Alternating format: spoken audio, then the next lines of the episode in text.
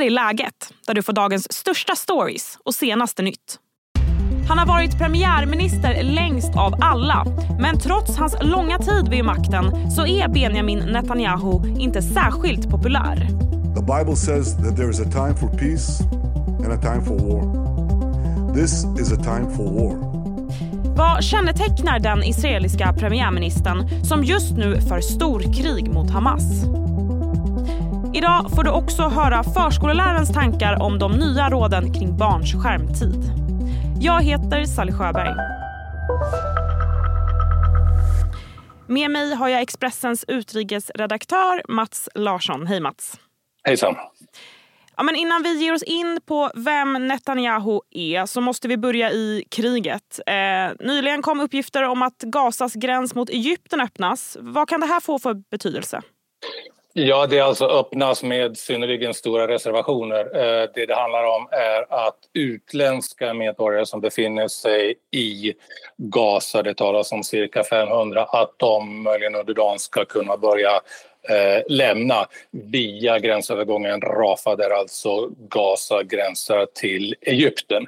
Eh, det sägs också att eh, drygt ett 80-tal svårt skadade palestinier ska kunna föras över gränsen till ett fältsjukhus som har upprättats på den egyptiska sidan för vård där. Däremot är gränsen fortsatt stängd för alla de palestinier som eh, finns i eh, Gaza. Mm. Och hur ser det ut i kriget i övrigt? Ja, den israeliska offensiven eh, pågår sakta men, men säkert. Det har kommit eh, nya bilder på israeliska stridsvagnar inne i Gaza City.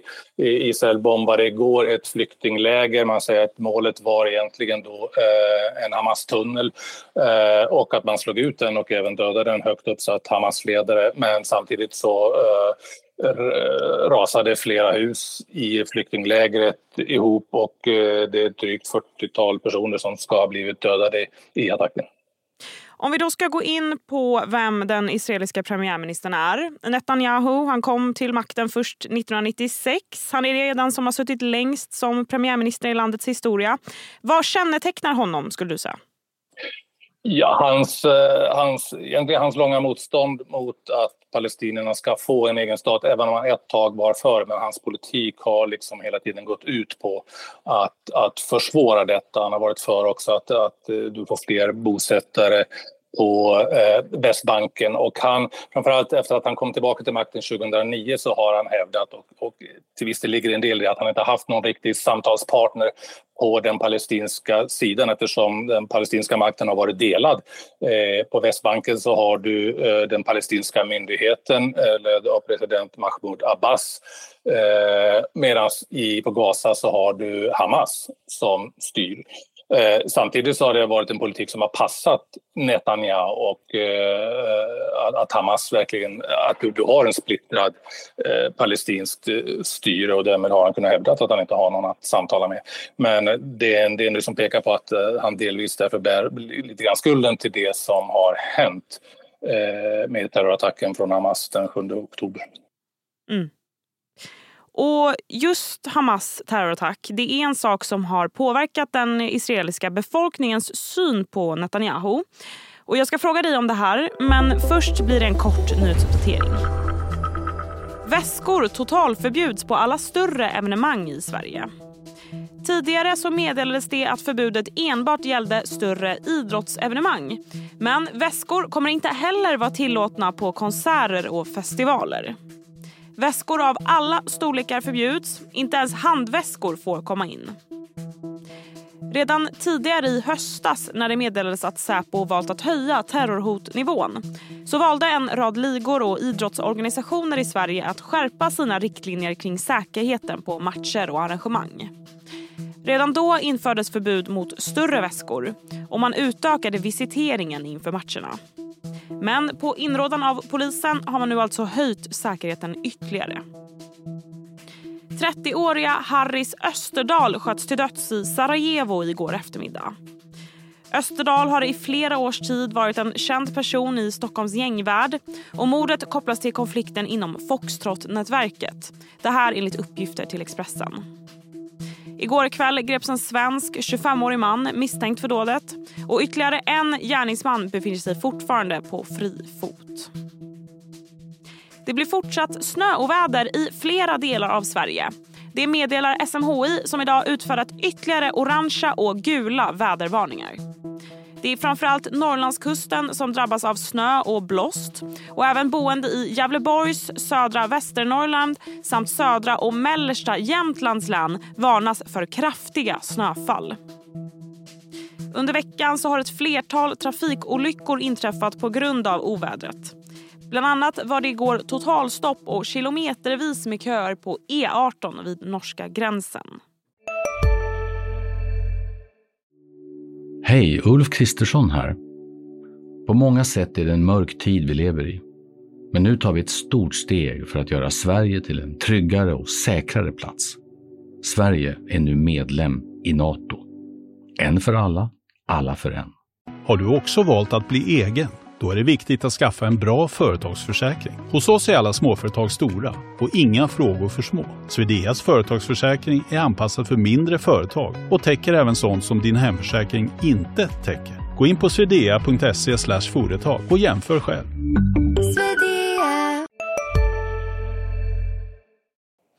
Han är en premiärminister som enligt siffrorna inte är jättepopulär. Eh, varför är det så?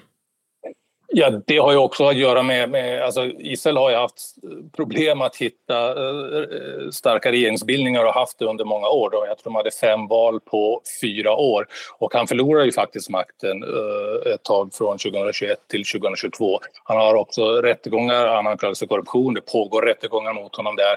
Och sen han kom tillbaka i december 2022 så har han ju eh, med, eh, satt sig i regering med partier långt ut på högerkanten och ultraortodoxa judiska partier partier och eh, vill ju eh, bland annat eh, reformera och minska Högsta domstolens makt. Detta ledde ju till enorma demonstrationer i Israel och splittrade Israel oerhört under 2023 och har gjort honom djupt impopulär. Och sen kommer terrorattacken eh, som han har väldigt svårt att själv ta ansvar för. I en tweet under helgen så skyller han, han att han aldrig fått någon information, några varningar från säkerhetstjänsten och militären. Han backade sedan på detta. Men han är inte en populär politiker och det normala är att eh, när ett land är i krigstid upplever ett sånt trauma som Israel har gjort så, så ökar eh, populariteten för den sittande ledaren. Men för Netanyahu verkar det vara precis tvärtom. Hans parti Likud har minskat tror jag, med cirka 40 procent i eh, mätningarna. Mm. Och nu har han ju dessutom inlett ett kraftfullt svar på Hamas attack. Hur pratar han om kriget? Eh, ja, det är ett, ett absolut ett, ett, måste att besegra Hamas och att eh, detta är inte en tid för fred. Detta är en tid för krig, som man uttrycker Samtidigt har, verkar Israel ha lyssnat på, på varningar från USA att gå för snabbt fram. Många trodde att eh, den israeliska markoffensiven skulle sättas igång kort efter den 7 oktober. Eh, det har ju nu dröjt flera veckor och man går även eh, väldigt försiktigt fram i sin offensiv eh, vad gäller markoffensiv. Man har ju däremot haft väldigt intensiva flygbombningar av Gaza, de mest intensiva eh, någonsin. Och enligt palestinska eh, uppgifter så är det ju över 8000 palestinier som har dödats i dessa attacker. Mm. Vad kommer att hända nu med Netanyahu framåt? Vad tror du han kommer göra? Ja, först så vill han förstås vinna kriget men det är många, många bedömare som tror att han får svårt att sitta kvar när detta väl är över. Att han eh, kommer att tvingas ta ansvar för att Israel togs så på sängen och blev så överraskad över den attack den 7 oktober. Och det skulle i så fall inte vara första gången eh, som en israelisk ledare tvingas avgå efter ett krig, även om de vinner kriget. Det var exempelvis exakt vad som hände 1973 under oktoberkriget eller Jom Kippur-kriget då Israel attackerades av Egypten och Syrien och även den gången blev väldigt överraskad den gången var premiärministern eh, Golda Meir som eh, avgick eh, året efter. Så att eh, jag skulle tro att det, det, att det trots allt är det troliga att han sitter kvar så länge kriget varar, möjligen några månader till, men att han möjligen tvingas avgå sen. Men osvuret är bäst vad gäller Netanyahu. Han har vunnit mot oddsen många gånger förr. Det är väl inte helt omöjligt att han gör det igen. Tack så mycket Mats. Tack, tack. Och härnäst i läget så ringer jag upp förskolläraren Eva Lindström som tycker till om de nya skärmråden för barn. Men först blir det fler nyheter. USAs president Joe Biden har tagit nya krafttag mot AI. Den amerikanska presidenten har utfärdat en exekutiv presidentorder mot AI som åtföljs av en lång lista på konkreta åtgärder. Det är det mest omfattande regelverk som berör AI någonsin. Och punkterna har sin grund i en mängd samtal presidenten haft på senare tid med ledande teknikföretag i USA. Åtgärderna ska säkerställa att AI blir pålitlig och hjälpsam snarare än vilseledande och farlig. Och en av de huvudsakliga punkterna är att utvecklare av de mest kraftfulla AI-systemen måste dela sina interna resultat från säkerhetstester och annan kritisk information med den amerikanska regeringen. Hej, Synoptik här. Hos oss får du hjälp med att ta hand om din ögonhälsa. Med vår synundersökning kan vi upptäcka både synförändringar och tecken på vanliga ögonsjukdomar. Boka tid på synoptik.se.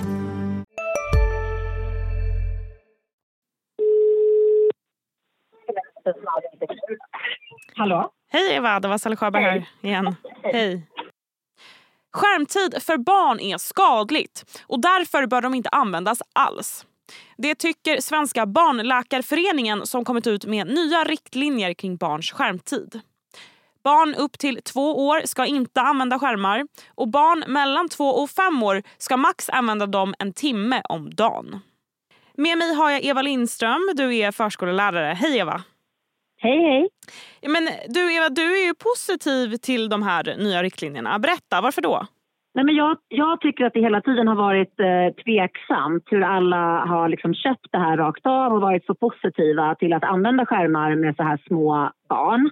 Eh, när förskolan ska ju vila på vetenskaplig grund, så att säga. Och det är ju liksom vi som blir vetenskapen, alltså vi som är nu.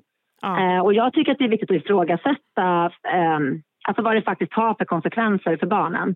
Eh, och sen tycker jag generellt att jag tycker liksom inte att små barn behöver titta på paddor eller skärmar, eller vad man nu vill prata Nej. om. Hur närvarande har skärmar varit eh, i, hos er förskola? Eh, på min förskola inte så jättemycket. Alltså vi vuxna använder ju skärmar.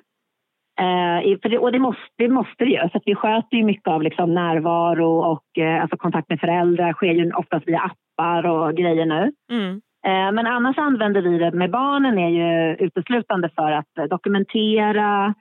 Eh, Alltså där är ju barnen delaktiga i sin egen dokumentation. Att fotografera, man kan använda sig av bilder eller sök, att söka information så att säga. Mm. Alltså så använder vi skärmar men eh, vi har aldrig så att barnen liksom sitter själva och tittar på en skärm eller spelar spel och så. Eh, Det gör vi inte på min förskola. Nej. Men eh, Svenska barnläkarföreningen säger ju att de, de ser en risk för att barns hjärnor tar skada av att använda skärmar. Vad, vad, vad, tror du som jobbar med barn varje dag, eh, hur, hur barnen kan påverkas av att sitta mycket vid skärmen? Alltså jag, jag håller med dem. Alltså nu, det är jätteskönt att det kommer liksom mer fakta nu då på hur barnens hjärnor tar skada. Men jag tycker liksom generellt att eh, små barn behöver ju liksom träna social kompetens. De behöver ju möta människor och kunna läsa av liksom mänskliga uttryck och alltså mänsklig förmåga att kommunicera. Eh, och det tänker jag är liksom, och det är det som är förskolans hela grej, liksom, att jobba med sociala förmågor och gruppen och att vara del liksom, i ett samhälle. Mm. Men en del föräldrar har jag läst här, vi har en chatt här på morgonen och har sagt att det är lite moralpanik och att det lät samma när internet kom. Vad, vad, vad tänker du kring det? Eh, alltså jag tänker att jag, alltså man får väl kalla det moralpanik. Alltså jag tycker ju personligen själv att det är sorgligt när barnen kommer sittande i sina vagnar eh, framåtvända med en telefon i handen på morgonen. Eh, alltså istället för att man liksom har kommunikation med sina föräldrar. Jag, och jag tänker att det blir så här normalisering som inte känns helt okej. Okay. Det är jättevanligt tycker jag att man ser föräldrar eh, som går med lurar och lyssnar på en podd istället för att prata med sitt barn när man är ute och går. Mm. Eh, och jag, vi har precis diskuterat det här faktiskt idag med barnen på vår förskola om de tycker att deras föräldrar tittar mycket på telefonen. Vad sa de då? Eh, och det, ja, det tycker de. Ah. vi pratade om upplägget att gömma mamma och pappas telefon. Vad, vad skulle hända då? Eh, eh, alla barn var ganska överens om att det skulle nog inte bli eh, så bra. Och det tycker jag är viktiga signaler. Att vi har ett behov av telefonen betyder inte att vi måste liksom lära våra barn att det är så det ska vara. Och ni använder inte jätte, eller era barn på förskolan använder ju inte jättemycket skärmar men kommer det här förändra något sätt, de här riktlinjerna?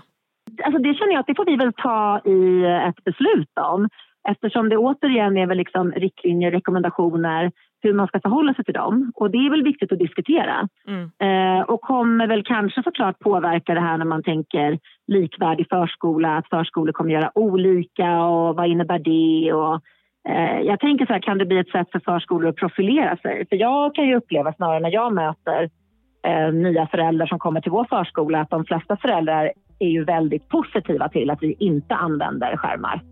Men eh, ja, jag vet inte hur man ska förhålla sig. Det får väl bli en, en vidare diskussion. Ja. ja, men tack så mycket Eva. Ja, tack själv. Och det var allt för idag. Läget kommer ju ut varje vardag så se till att du följer podden så missar du inga avsnitt. Tack för att du har lyssnat.